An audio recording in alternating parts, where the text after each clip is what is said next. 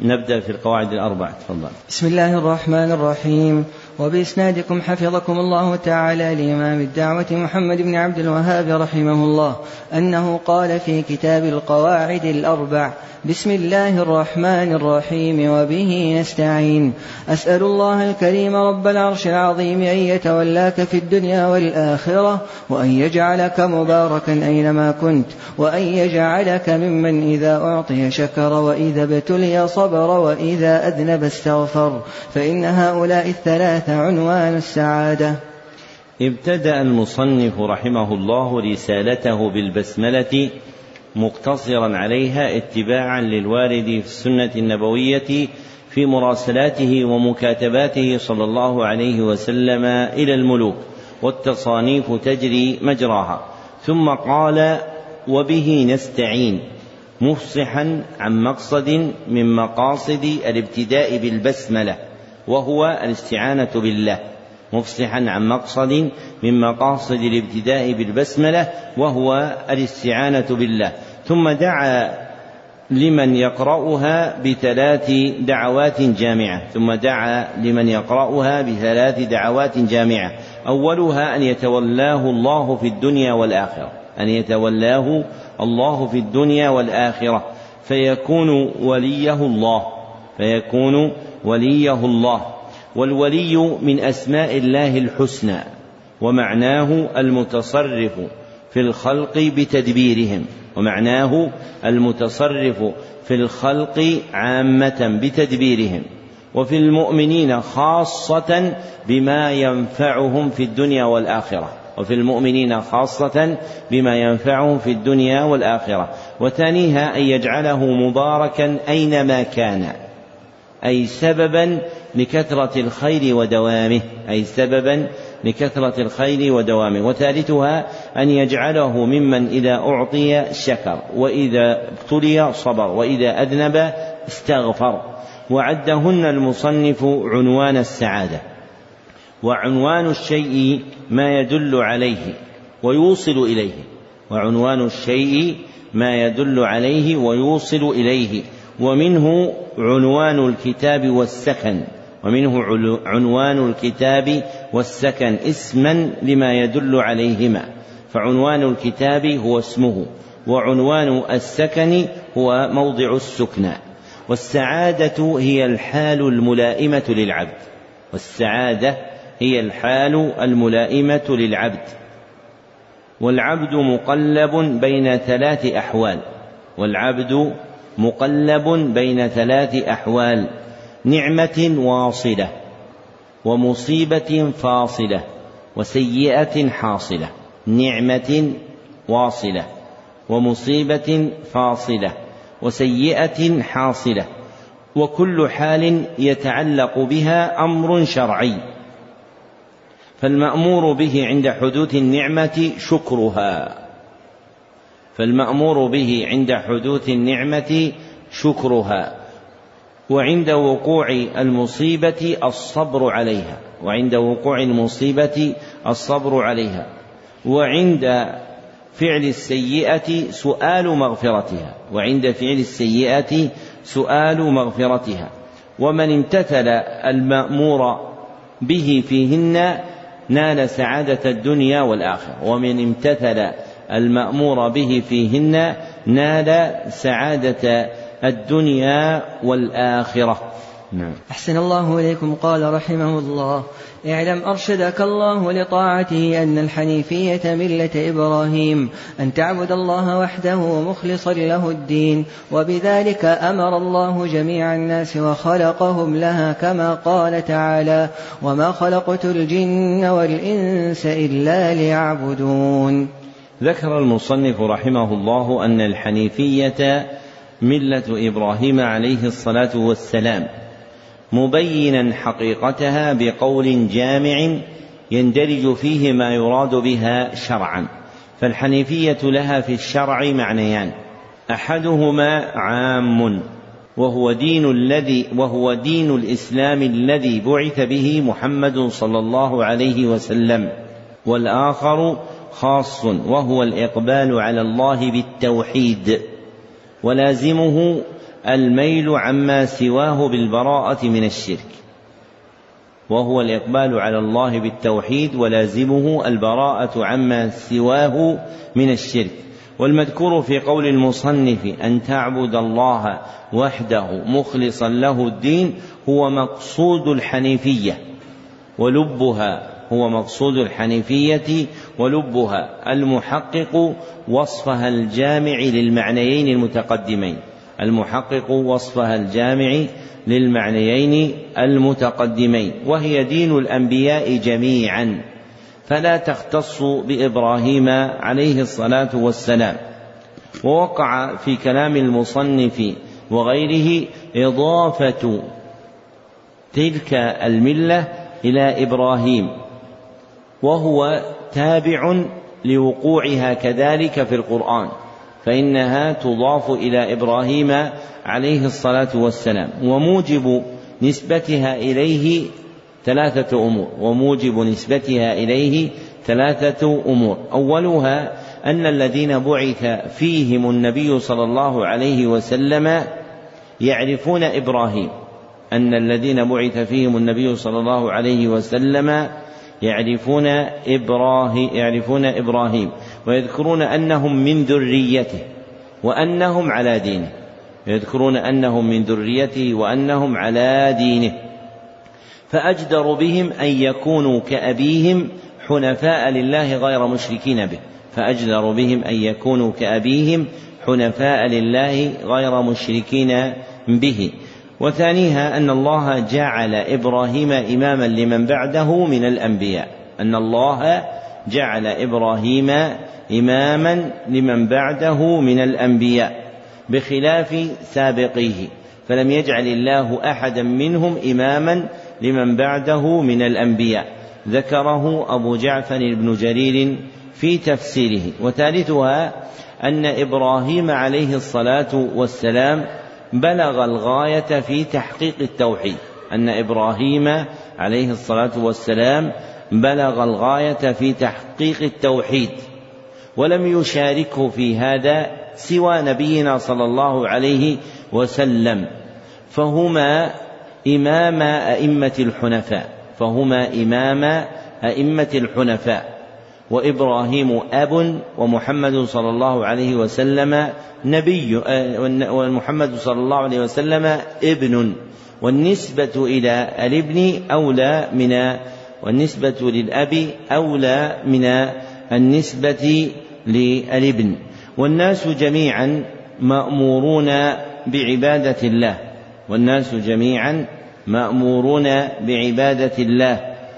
ومخلوقون لأجلها والدليل قوله تعالى وما خلقت الجن والإنس إلا ليعبدون ودلالة الآية على المسألتين من جهتين إحداهما صريح نصها صريح نصها المبين أنهم مخلوقون للعبادة المبين أنهم مخلوقون للعبادة والأخرى لازم لفظها لازم لفظها. المبين أن الناس مأمورون بها. المبين أن الناس مأمورون بها. لأنهم مخلوقون لأجلها. لأنهم مخلوقون لأجلها. فإذا كانوا قد خلقوا للعبادة فهم مأمورون بتلك العبادة. نعم. أحسن الله إليكم. قال رحمه الله فإذا عرفت أن الله خلقك لعبادته فاعلم أن العبادة لا تسمى عبادة إلا مع التوحيد كما أن الصلاة لا تسمى صلاة إلا مع الطهارة. فإذا دخل الشرك في العبادة فسدت كالحدث إذا دخل في الطهارة. فإذا عرفت أن الشرك إذا خالط العبادة أفسدها وأحبط العمل وصار صاحبه من الخالدين في النار. عرفت أن أهم ما عليك معرفة ذلك لعل الله أن يخلصك من هذه الشبكة وهي الشرك بالله الذي قال الله تعالى فيه إن الله لا يغفر أن يشرك به ويغفر ما دون ذلك لمن يشاء وذلك بمعرفة أربع قواعد ذكرها الله تعالى في كتابه. لما قرر المصنف رحمه الله أن حكمة خلقنا هي عبادة الله بين أن عبادة الله لا تسمى عبادة إلا مع التوحيد. فمن زعم أنه يعبد الله وهو غير موحد له فلا اعتداد بعبادته. فمن زعم أنه يعبد الله وهو غير موحد له فلا اعتداد بعبادته. وعبادة الله لها في الشرع معنيان. وعبادة الله لها في الشرع معنيان. أحدهما عام. أحدهما عام. وهو امتثال خطاب الشرع المقترن بالحب والخضوع. وهو اتباع خطاب الشرع المقترن بالحب والخضوع. اتباع خطاب الشرع المقترن بالحب والخضوع. كنا نقول إيش؟ امتثال. وكنت أفدت أحد الإخوان قبل مدة لما نظرت في المسألة قلت ينبغي أن لا يقال امتثال وإنما يقال اتباع. لماذا؟ لأنه هو الوارد في خطاب الشرع. ألم يقل الله ثم أوحينا إليك أن أن اتبع ملة إبراهيم حنيفا. وهذا من جنس المسائل التي يقع تحقيقها ثم يذهل المرء عنها لفشوء عبارة الامتثال وهي عبارة صحيحة. لكن العبارة التي في الخطاب الشرعي تقدم على غيرها. هذه قاعدة وهو اتباع خطاب الشرع المقترن بالحب والخضوع والثاني خاص وهو التوحيد. والمعنى الثاني هو المعهود شرعا كما تقدم. أما التوحيد فله معنيان أيضا. أما التوحيد فله معنيان أيضا. أحدهما عام وهو إفراد الله بحقه. وهو إفراد الله بحقه وحق الله نوعان حق في المعرفة والإثبات وحق في الإرادة والقصد والطلب حق في المعرفة والإثبات وحق في الإرادة والقصد والطلب.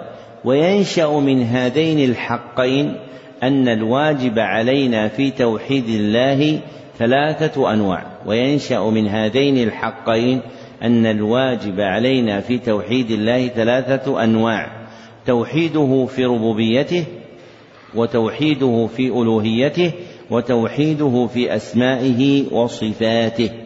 والآخر خاص وهو إفراد الله بالعبادة وهو إفراد الله بالعبادة. وهذا المعنى الثاني هو المعهود في خطاب الشرع إذا أطلق اسم التوحيد. ثم نبه المصنف إلى مفسد العبادة الأعظم وهو الشرك. ثم نبه المصنف إلى مفسد العبادة الأعظم وهو الشرك. والشرك شرعا له معنيان. أحدهما عام وهو جعل شيء من حق الله لغيره. جعل شيء من حق الله لغيره. والآخر خاص وهو جعل شيء من العبادة لغير الله. جعل شيء من العبادة لغير الله. وأثر الشرك إذا دخل في العبادة يختلف باعتبار قدره. وأثر الشرك إذا دخل في العبادة يختلف باعتبار قدره فإنه نوعان. أحدهما الشرك الأكبر. أحدهما الشرك الأكبر. وهو جعل شيء من حق الله لغيره يزول به أصل الإيمان يزول به أصل الإيمان فيخرج العبد من الإسلام إلى الكفر. والآخر شرك أصغر وهو جعل شيء من حق الله لغيره يزول به كمال الإيمان يزول به كمال الإيمان فلا يخرج به العبد من الإسلام. والفرق بينهما يرجع إلى متعلق الحق ومنزلته من الإيمان. والفرق بينهما يرجع إلى متعلق الحق ومنزلته من الإيمان. فما أزال أصل الإيمان فهو شرك أكبر. وما أزال كمال الإيمان فهو شرك أصغر. طيب لو قال واحد هذا من الشبه. اللي بعض الناس يعظمها. لو قال واحد هذا التقسيم الشرك الأكبر والأصغر قرأنا القرآن ما فيه كل الشرك. من أين جئت بأكبر وأصغر؟ ما الجواب؟ نعم. الاستقراء يقول الاستقراء هذا هو نتيجة دراستك العقلية فنحن لسنا ملزمين بها. هذا المشبهين كذا كلامهم. ثبوت اسم الشرك مع الإيمان. أحسن. والجواب أن الشرك الأصغر ورد في أحاديث كثيرة. منها قوله صلى الله عليه وسلم إن أخوف ما أخاف عليكم. الشرك إيش؟ الأصغر. رواه ابن خزيمة وأحمد.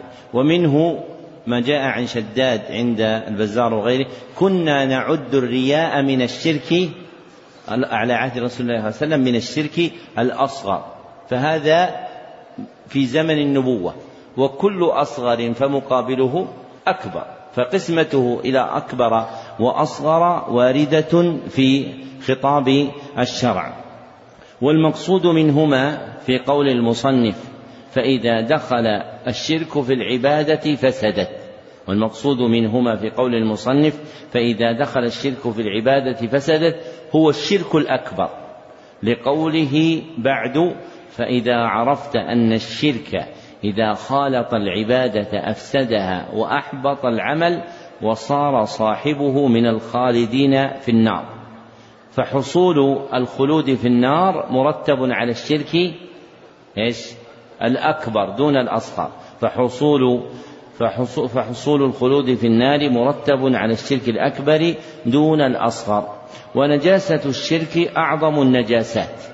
وكما يؤمر العبد بدفع النجاسة عنه عند إرادة الصلاة في بدنه وثوبه والبقعة المصلى فيها فكذلك يؤمر بتطهير أعماله كلها من الشرك بأن يفرغ قلبه ولسانه وجوارحه من الشرك مخافة أن يحبط عمله.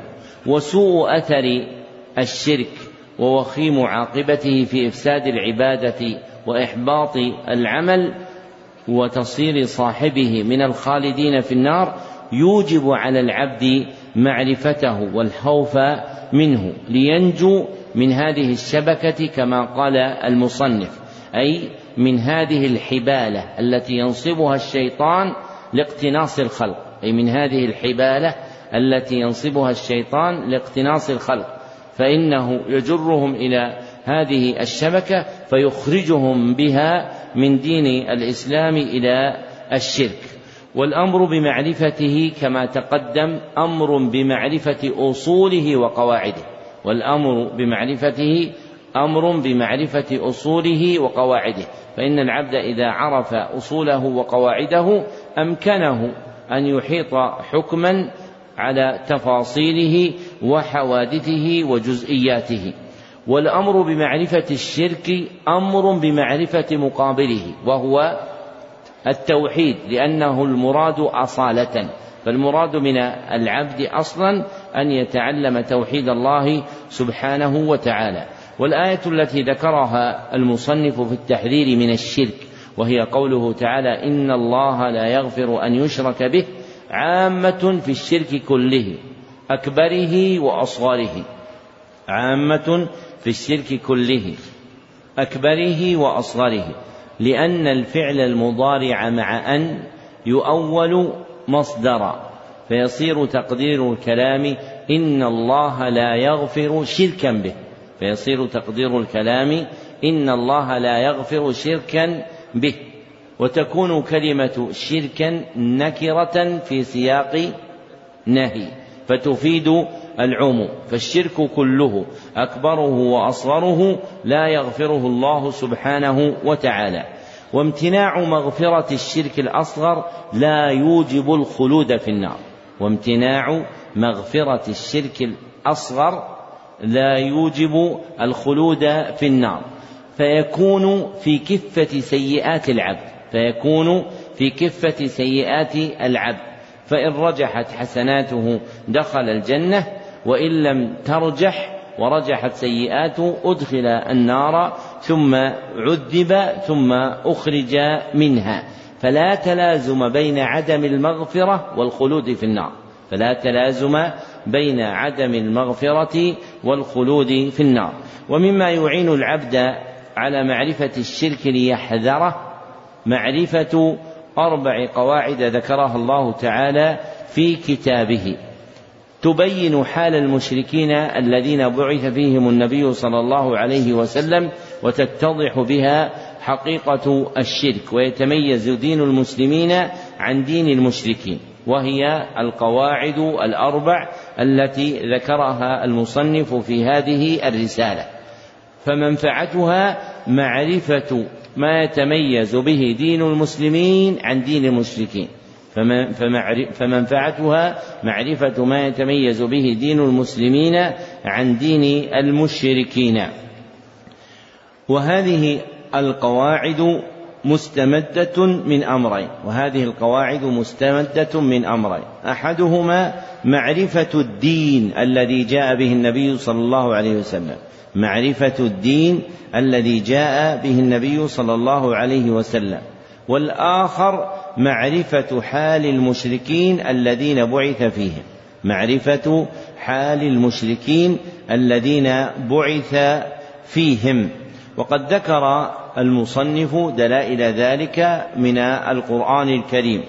وما فيها من أدلة السنة تابعة لها. والمراد بالقاعدة في هذا الموضع أعم من إطلاق القاعدة عند الفقهاء. أعم من إطلاق القاعدة عند الفقهاء وأشبه بالمعنى اللغوي وهو الأساس وهو الأساس. فهذه القواعد كل واحدة منها أساس من أسس الدين وأصل من أصوله فهذه القواعد كل واحدة منها أساس من أصول الدين وأصل من أصوله. ويجوز إرادة المعنى الاصطلاحي بأن تكون هذه القواعد من قواعد التوحيد. ويجوز إرادة المعنى الاصطلاحي بأن تكون هذه القواعد من قواعد التوحيد. فتكون القاعدة هنا الأمر الكلي المنطبق على جزئيات كثيرة. فيكون فتكون القاعدة هنا الأمر الكلي المنطبق على جزئيات كثيرة. لكن متعلقها التوحيد لا الفقه لكن متعلقها التوحيد لا الفقه نعم. أحسن الله إليكم قال رحمه الله. القاعدة الأولى. أن تعلم أن الكفار الذين قاتلهم رسول الله صلى الله عليه وسلم مقرون بأن الله تعالى هو الخالق المدبر وأن ذلك لم يدخلهم في الإسلام. والدليل قوله تعالى قل من يرزقكم من السماء والأرض أم من يملك السمع والأبصار ومن يخرج الحي من الميت ومن يخرج الحي من الميت ويخرج الميت من الحي ومن يدبر الأمر فسيقولون الله فقل أفلا تتقون مقصود القاعدة مقصود هذه القاعدة بيان شيئين بيان شيئين. أحدهما أن الكفار الذين قاتلهم رسول الله صلى الله عليه وسلم مقرون بتوحيد الربوبية. مقرون بتوحيد الربوبية وهو إفراد الله في ذاته وأفعاله. وهو إفراد الله في ذاته وأفعاله. وأشار المصنف رحمه الله إليه بقوله مقرون بأن الله تعالى هو الخالق المدبر لأن الخلق والتدبير من أعظم أفعال الربوبية. لأن الخلق والتدبير من أعظم أفعال الربوبية. والآخر أن إقرارهم بتوحيد الربوبية لم يدخلهم في الإسلام. أن إقرارهم بتوحيد الربوبية لم يدخلهم في الإسلام ولم يعصم دماءهم لأن النبي صلى الله عليه وسلم أثبت لهم وصف الكفر وقاتلهم. ولو كانوا بإقرارهم بالربوبية مسلمين لما طالبهم النبي صلى الله عليه وسلم بالإسلام ولما قاتلهم عليه. واستدل المصنف على ما ذكره بقوله تعالى قل من يرزقكم من السماء والأرض الآية. وهي دالة على الأمرين معا. فأما وجه دلالتها على الأمر الأول فهو في إقرارهم أن الرزق والملك والتدبير كله لله. أما دلالتها على الأمر الأول فهو إقرارهم أن أن الرزق والملك والتدبير كله لله فإنهم يقرون بذلك إذا سئلوا عنه. كما قال الله تعالى فسيقولون الله أي يثبتون له هذه الأفعال من أفراد الربوبية أي يثبتون له هذه الأفعال من أفراد الربوبية. وأما وجه دلالتها على الأمر الثاني فهو في إنكار الله عليهم عبادة غيره. فهو في إنكار الله عليهم عبادة غيره. إذ قال فقل أفلا تتقون. أي فقل لهم إقامة للحجة عليهم أفلا تتقون ربكم فتخلصون له العبادة؟ أي فقل لهم إقامة للحجة عليهم أفلا تتقون ربكم فتخلصون له العبادة؟ فمطالبتهم بتوحيد الألوهية برهان عدم انتفاعهم بإقرارهم بتوحيد الربوبية. نعم. أحسن الله إليكم قال رحمه الله. القاعدة الثانية أنهم يقولون ما دعوناهم وتوجهنا إليهم إلا لطلب القربة والشفاعة فدليل القربة قوله تعالى والذين اتخذوا من دونه أولياء ما نعبدهم إلا ليقربونا إلى الله زلفى. إن الله يحكم بينهم فيما هم فيه يختلفون. إن الله لا يهدي من هو كاذب كفار. ودليل الشفاعة قوله تعالى ويعبدون من دون الله ما لا يضرهم ولا ينفعهم ويقولون هؤلاء شفعاؤنا عند الله. والشفاعة شفاعتان شفاعة منفية وشفاعة مثبتة. فالشفاعة المنفية ما كانت تطلب من غير الله فيما لا يقدر عليه إلا الله. والدليل قوله تعالى يا أيها الذين آمنوا أنفقوا مما رزقناكم من قبل أن يأتي يوم لا بيع فيه ولا خلة ولا شفاعة والكافرون هم الظالمون. والشفاعة المثبتة هي التي تطلب من الله والشافع مكرم بالشفاعة والمشفوع له من رضي الله قوله وعمله بعد الإذن. كما قال تعالى من ذا الذي يشفع عنده إلا بإذنه. مقصود هذه القاعدة بيان أن الحامل للمشركين على دعوة غير الله والتوجه إليه أمران. بيان أن الحامل للمشركين على دعوة غير الله والتوجه إليه أمران. أحدهما طلب القربة والدليل قوله تعالى والذين اتخذوا من دونه أولياء ما نعبدهم إلا ليقربونا إلى الله زلفى والآخر طلب الشفاعة والدليل قوله تعالى ويعبدون من دون الله ما لا يضرهم ولا ينفعهم. ويقولون هؤلاء شفعاؤنا عند الله. فلم يكن المشركون يعتقدون أن معبوداتهم تدبر الأمر وتستقل بما شاءت ولكنهم كانوا يتوجهون إليها لتحصيل هذين الأمرين المذكورين.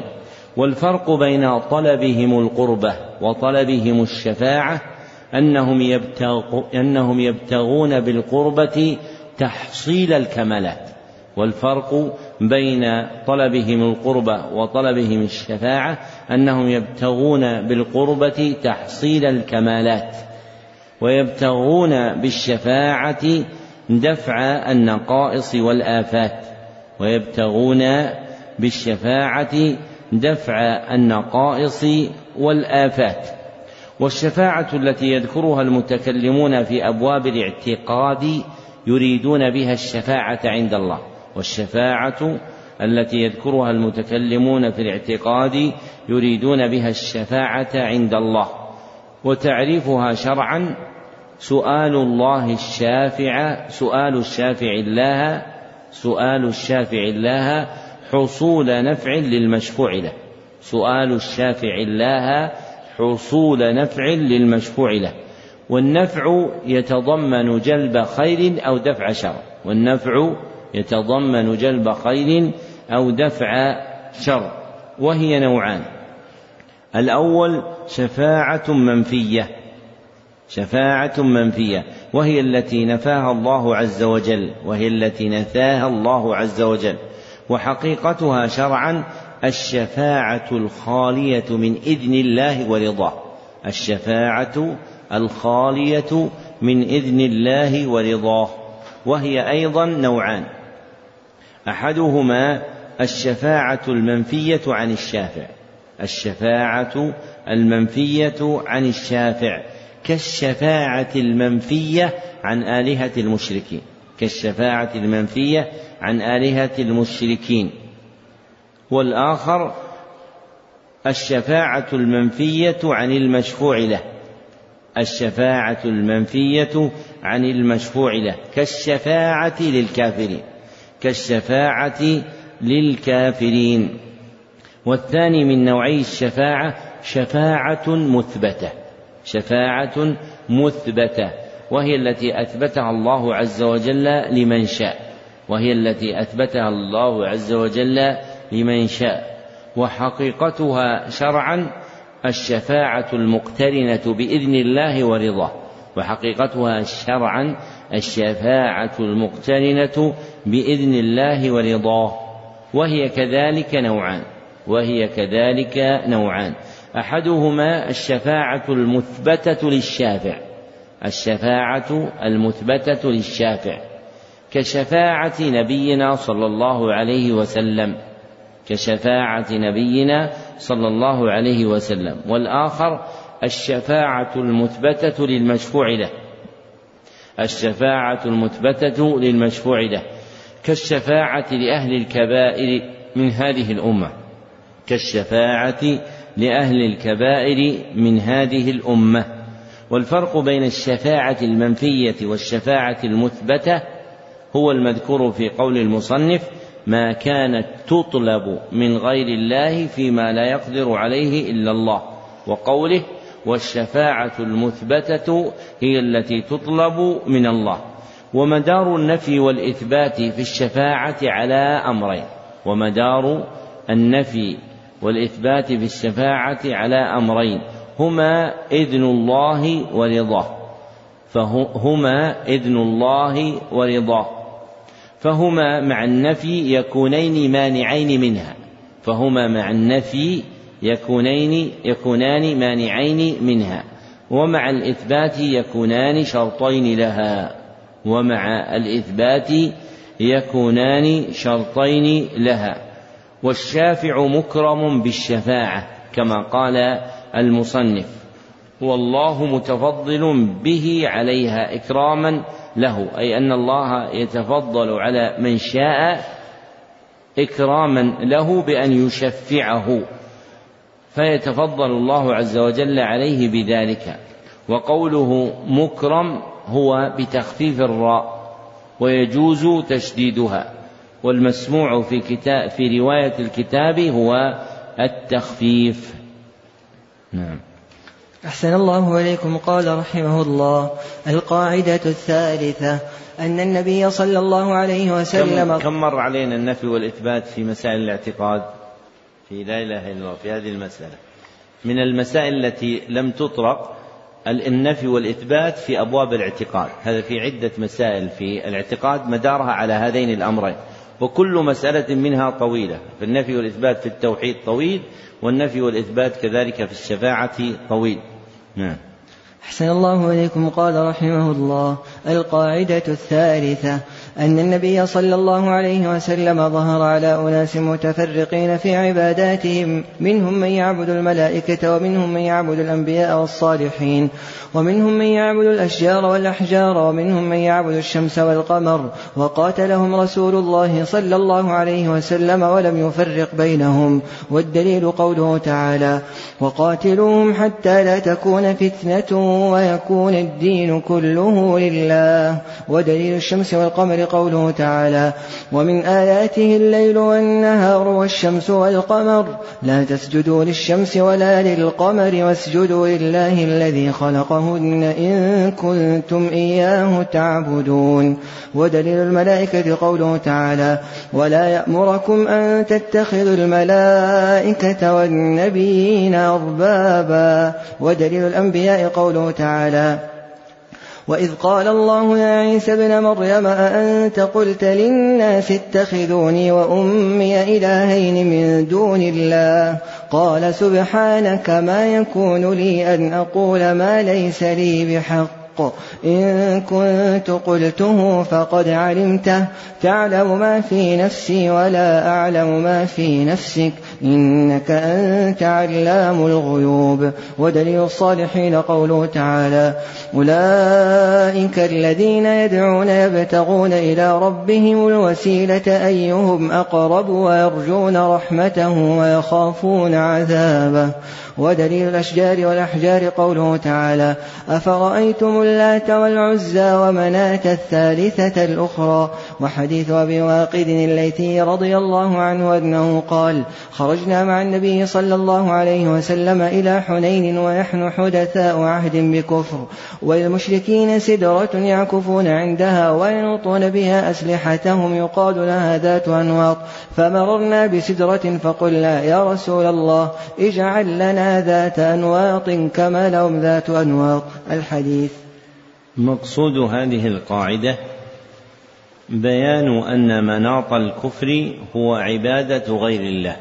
بيان أن مناط الكفر هو عبادة غير الله دون نظر إلى منزلة المعبود دون نظر إلى منزلة المعبود فمن يعبد النبي والولي والملك هو كمن يعبد الشجر والحجر وأجرام الفلك فمن يعبد النبي والولي والملك هو كمن يعبد الشجر والحجر وأجرام الفلك. فالنبي صلى الله عليه وسلم ظهر على أناس من الكفار متفرقين في عباداتهم أي متفرقين من جهة مألوهاتهم التي يعبدون أي متفرقين من جهة مألوهاتهم التي يعبدون. فأقيم المصدر عباداتهم مقام اسم المفعول معبوداتهم. فأقيم المصدر عباداتهم مقام اسم المفعول معبوداتهم للدلالة على ثبوت معنى العبادة المراد واستقراره للدلالة على ثبات على ثبوت معنى العبادة المراد واستقراره فيكون المقصود في كلامه المعبودات للعبادات فيكون المقصود في كلامه المعبودات للعبادات فهم متفرقون في إيش؟ معبوداتهم. فهم متفرقون في معبوداتهم. ويبينه قول المصنف رحمه الله منهم من يعبد الملائكة ومنهم من يعبد الأنبياء والصالحين إلى آخر ما ذكر. وقد قاتلهم رسول الله صلى الله عليه وسلم وأكفرهم ولم يفرق بينهم لأنهم وإن اختلفوا في معبوداتهم فقد اجتمعوا في موجب الكفر. وهو عبادة غير الله سبحانه وتعالى. فلا يختص القتال والتكفير بمن عبد الأصنام بل كل من عبد شيئا غير الله سبحانه وتعالى فحظه القتال والتكفير ولو عبد نبيا أو وليا أو شجرا أو حجرا. وقد ذكر المصنف أدلة ما قرره من تفرق معبوداتهم. فقوله ودليل الشمس والقمر ونظائره يريد به دليل وقوع دليل وقوع عبادة هؤلاء عند العرب المشركين. وجميع أدلة ذلك هي من القرآن سوى أحد دليلي عبادة الأشجار والأحجار وهو حديث أبي واقد الليثي وقد رواه الترمذي وإسناده صحيح. وتقدم معنا في كتاب التوحيد وفي كتاب كشف الشبهات وهذا الموضع الثالث. نعم. أحسن الله إليكم قال رحمه الله. القاعدة الرابعة أن مشركي زماننا أغلظ شركا من الأولين لأن الأولين يشركون في الرخاء ويخلصون في الشدة ومشركو زماننا شركهم دائما في الرخاء والشدة والدليل قوله تعالى فإذا ركبوا في الفلك دعوا الله مخلصين له الدين فلما نجاهم إلى البر إذا هم يشركون.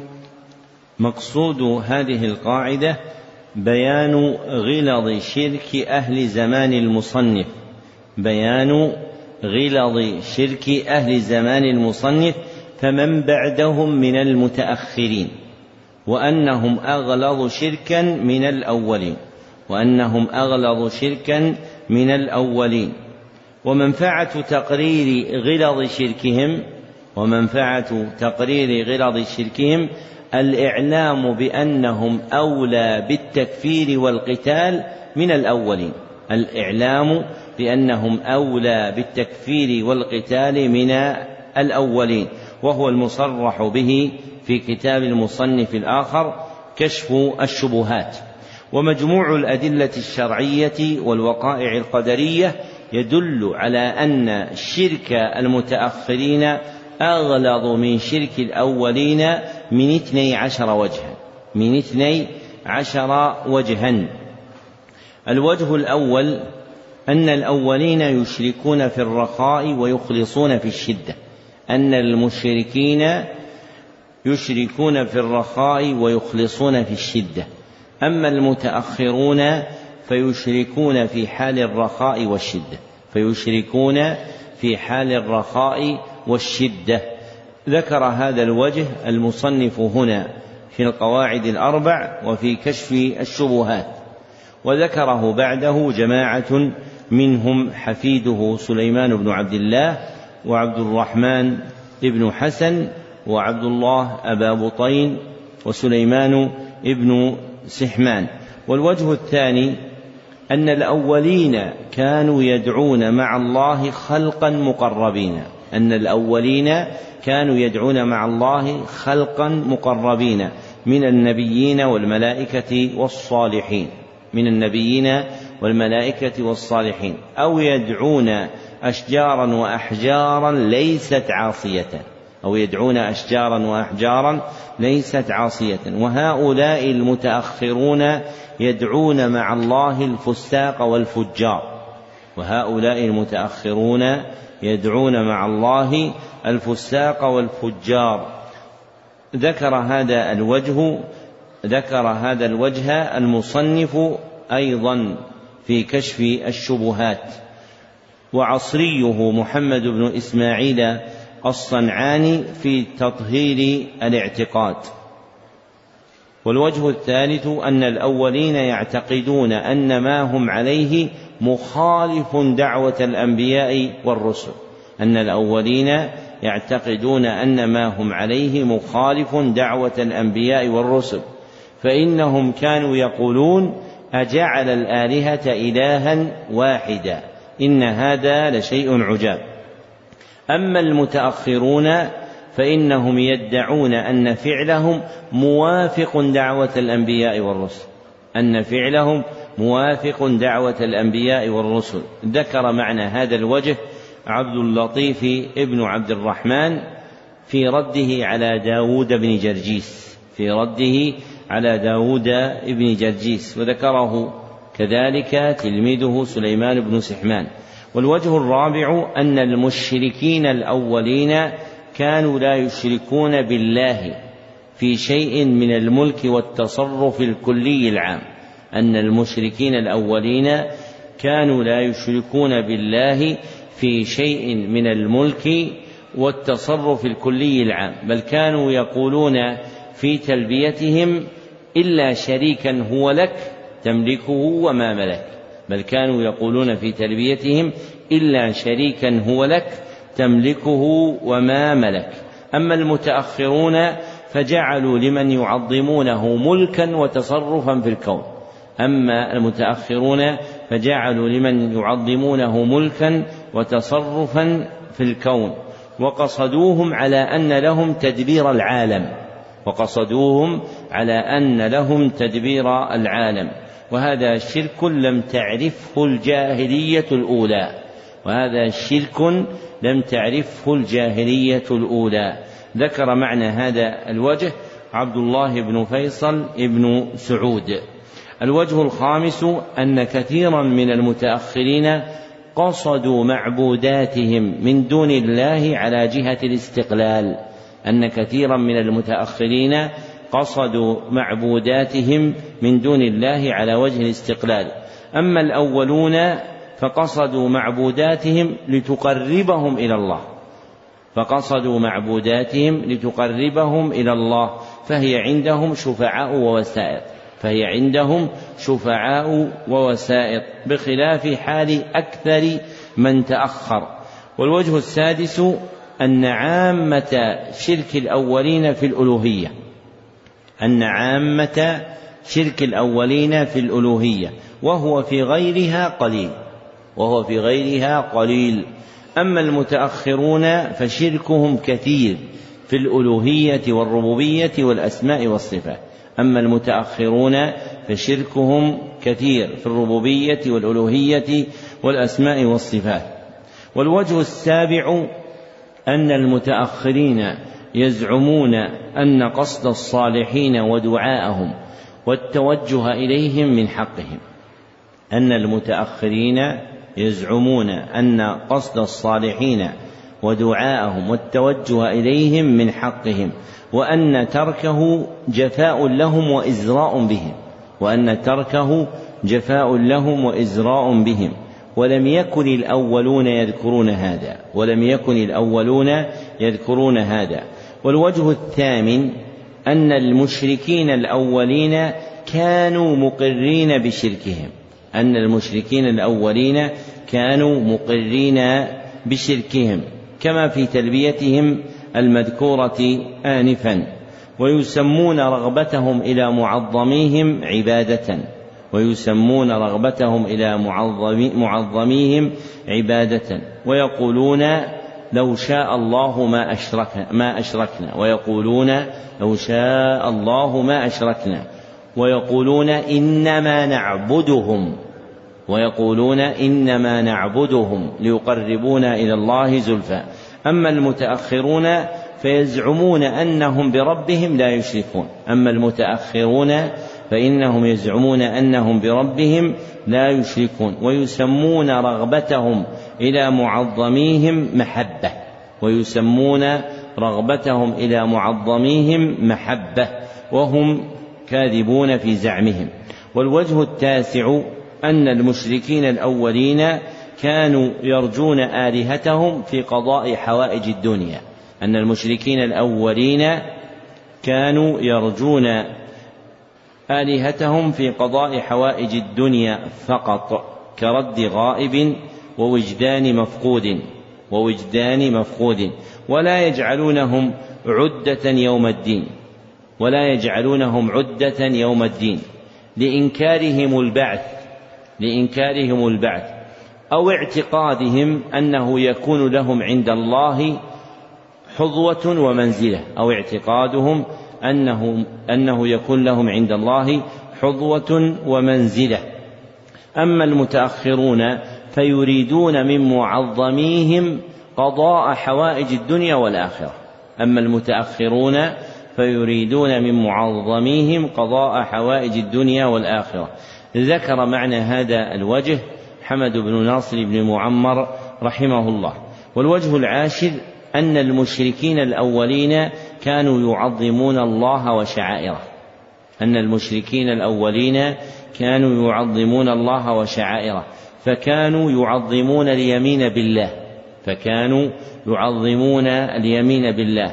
ويعيذون من عاد ببيت الله. ويعيذون من عاد ببيت الله. ويعتقدون أن البيت الحرام أعظم من بيوت أصنامهم. ويعتقدون أن البيت الحرام أعظم من بيوت أصنامهم. أما المتأخرون فإن أحدهم يقسم بالله صادقا وكاذبا. أما المتأخرون فإن أحدهم يقسم بالله صادقا وكاذبا. ولا يقدم, ولا يقدم على القسم بمن يعتقد فيه من المعظمين كاذبا. ولا يقدم على القسم بمن يعتقد فيه من المعظمين كاذبا. ولا يعيذون من عاد بالله وببيته. ولا يعيذون من عاد بالله وببيته ويعيذون من عاد بمعظمهم أو بتربته ويعيذون من عاد بمعظمهم أو بتربته أي محل دفنه. ويعتقدون أن العكوف على المشاهد أعظم من العكوف في المساجد. ويعتقدون أن العكوف في المشاهد أعظم من العكوف في المساجد. وأكثرهم يرى أن الاستغاثة بمعظمه الذي يعبده أنفع له من الاستغاثة بالله. وفيهم من يرى أن الاستغاثة بمعظمه الذي يعبده أنفع له من الاستغاثة بالله. وهذا الوجه مستفاد من كلام متفرق للعلامة سليمان بن عبد الله في تيسير العزيز الحميد وبعضه في كلام جماعة قبله كابن تيمية الحفيد وجده محمد بن عبد الوهاب وحمد بن ناصر بن معمر وعبد العزيز الحسين وعبد الرحمن بن عبد الله أبا بطين رحمهم الله. والوجه الحادي عشر أن المشركين الأولين لم يكونوا يطلبون من آلهتهم كل ما يطلبونه من الرحمن. أن المشركين الأولين لم يكونوا يطلبون من آلهتهم كل ما يطلبونه من الرحمن فلهم مطالب يطلبونها من آلهتهم ولهم مطالب لا يطلبونها إلا من الله فلهم مطالب يطلبونها من آلهتهم ولهم مطالب لا يطلبونها إلا من الله تعظيما لله سبحانه وتعالى فيجعلون الأعلى مطلوبا من الله فيجعلون الأعلى مطلوبا من الله. وأما المتأخرون فيطلبون من آلهتهم ما لا يطلبونه من الله. فيطلبون من آلهتهم ما لا يطلبونه من الله.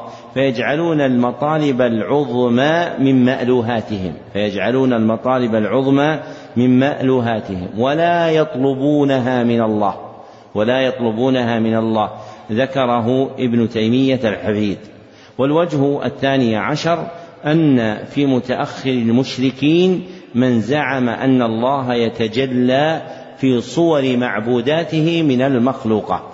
أن من أن في متأخر المشركين من زعم أن الله يتجلى في صورة معبوداته من المخلوقات فهو يعبدهم لأن الله يتجلى فيهم. فهو يعبدهم لأن الله يتجلى فيهم.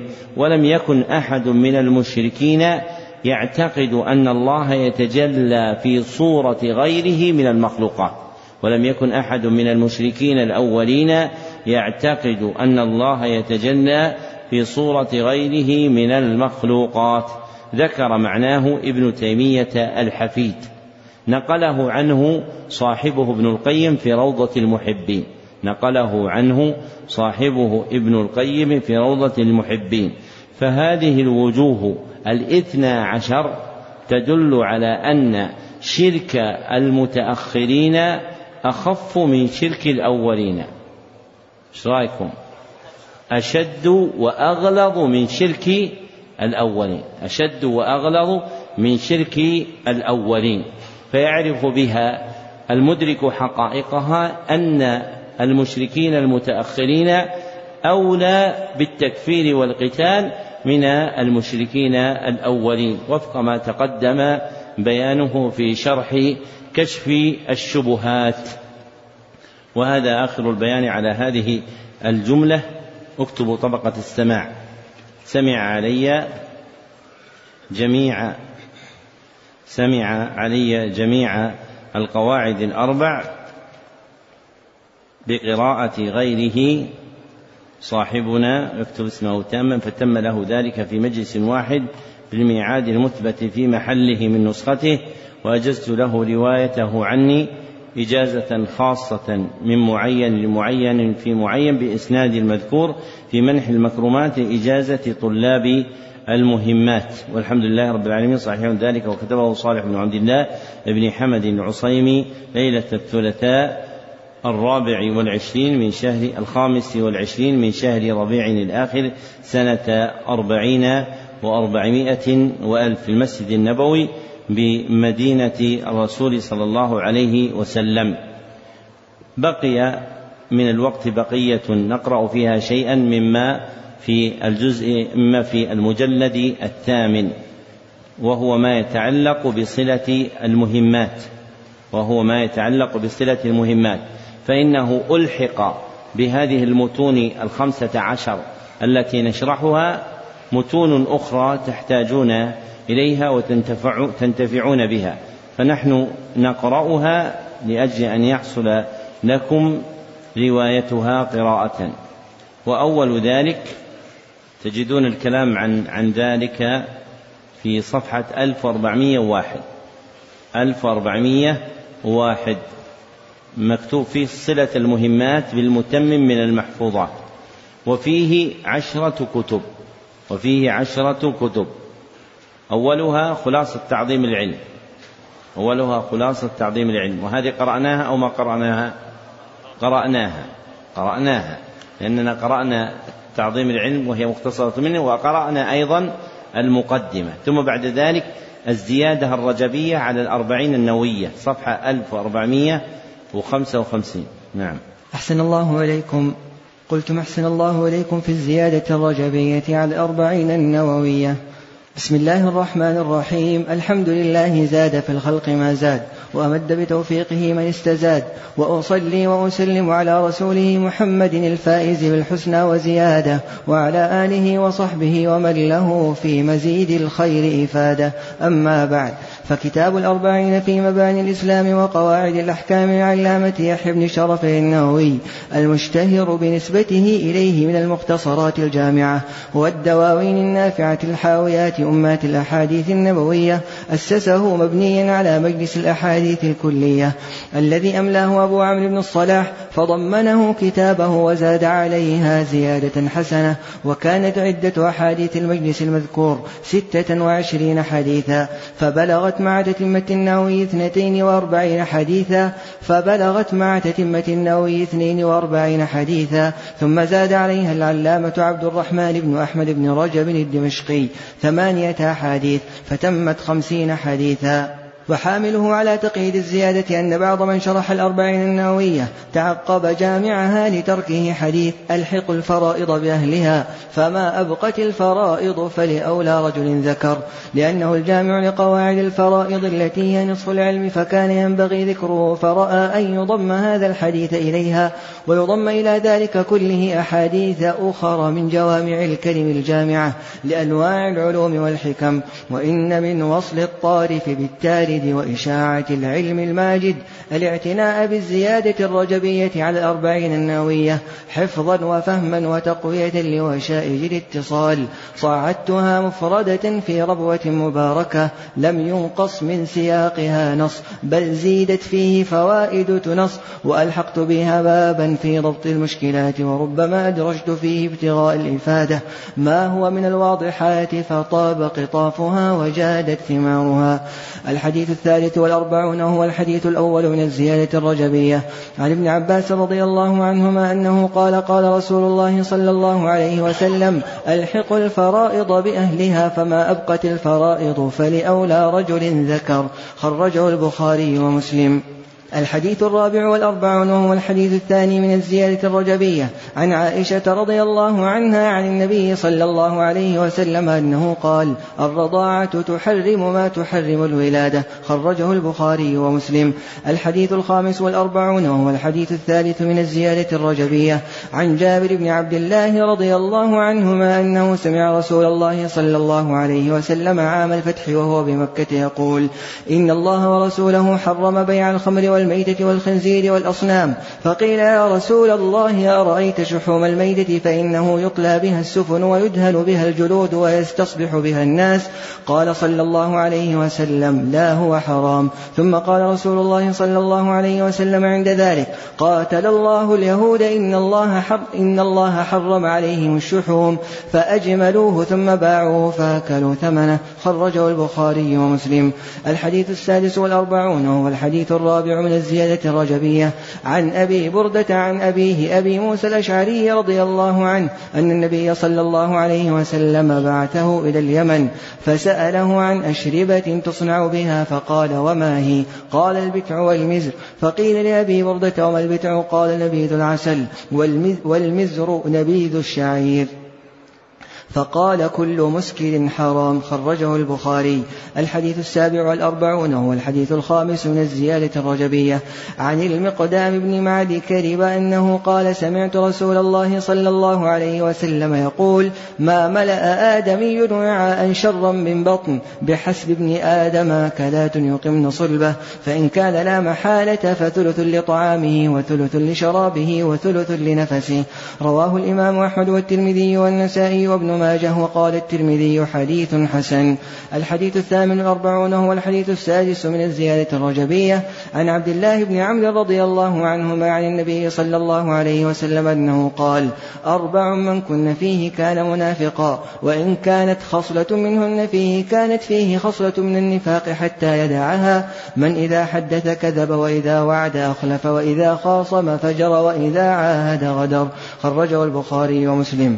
الحديث التاسع والأربعون وهو الحديث السابع من الزيادة الرجبية عن عمر بن الخطاب رضي الله عنه عن النبي صلى الله عليه وسلم أنه قال لو أنكم توكلون على الله حق توكله لرزقكم كما يرزق الطير تغدو خماصا وتروح بطانا رواه الإمام أحمد والترمذي والنسائي وابن ماجه وابن حبان في صحيحه والحاكم وقال الترمذي حسن صحيح الحديث الخمسون هو الحديث الثامن من الزيادة الرجبية. عن عبد الله بن بسر رضي الله عنه أنه قال أتى النبي صلى الله عليه وسلم رجل فقال يا رسول الله إن شرائع الإسلام قد كثرت علينا فباب نتمسك به جامع. قال صلى الله عليه وسلم لا يزال لسانك رطبا من ذكر الله عز وجل. خرجه الإمام أحمد بهذا اللفظ. باب الإشارات إلى ضبط ألفاظ المشكلات. الأولى قوله في خطبة الكتاب العلامة للعلامة يحيى بن شرف النووي بفتح الشين المعجمة والراء المهملة من شرف. الثانية قوله فيها أيضا وصل الطارف بالتالي الطارف بتشديد الطاء وهو ما استفيد حديثا والتالد بتشديد التاء وهو ما استفيد قديما. الثالث قوله فيها أيضا لوشائج بفتح الواو وكسر الهمزة وهي الروابط. الرابعة قوله فيها أيضا صعدتها بتشديد العين المهملة. الخامسة قوله قوله فيها أيضا تنص بضم التاء المثناة الفوقانية أي تظهر. السادسة قوله في الحديث الثالث والأربعين وهو الحديث الأول من الزيادات رجل ذكر الذكر بفتحتين وهو تأكيد لما قبله. السابعة قوله في الحديث الرابع والأربعين وهو الحديث الثاني من الزيادات الرضاعة بفتح الراء وكسرها وذكر, وذكر ضمها أيضا واللغة العلوية أولها. الثامنة قول في الحديث الخامس اللغة العلوية يعني اللغة الأعلى الصحيحة كما يقول المحدثون عن حديث صحيح يقول اللغويين لغة علوية يعني المقدمة الصحيحة. نعم. أحسن الله إليكم. قلتم حفظكم الله.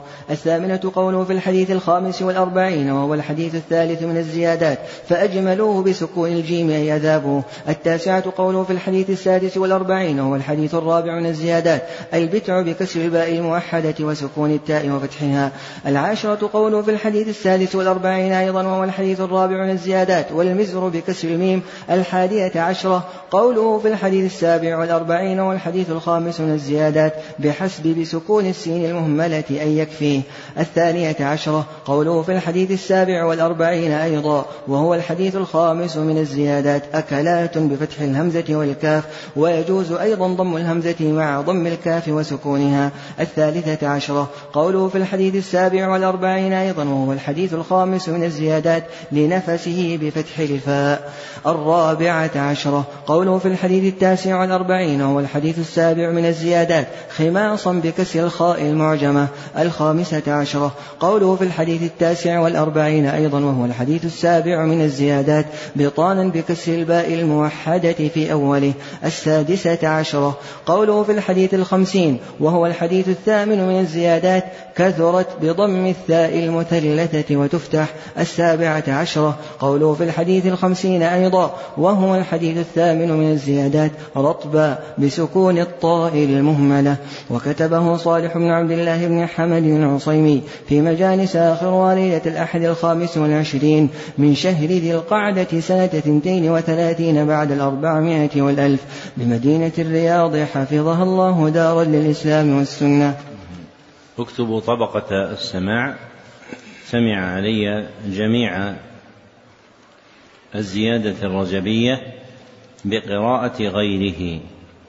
صاحبنا ويكتب اسمه تاما فتم له ذلك في مجلس واحد بالميعاد المثبت في محله من نسخته وأجزت له روايته عني إجازة خاصة من معين لمعين في معين بإسناد المذكور في منح المكرمات لإجازة طلاب المهمات. الحمد لله رب العالمين. صحيح ذلك وكتبه صالح بن عبد الله بن حمد العصيمي ليلة الثلاثاء الخامس والعشرين من شهر ربيع الآخر سنة أربعين وأربعمائة وألف في المسجد النبوي بمدينة الرسول صلى الله عليه وسلم. لقاؤنا غدا بعد صلاة الفجر إن شاء الله في شرح الأربعين النووية. والحمد لله رب العالمين.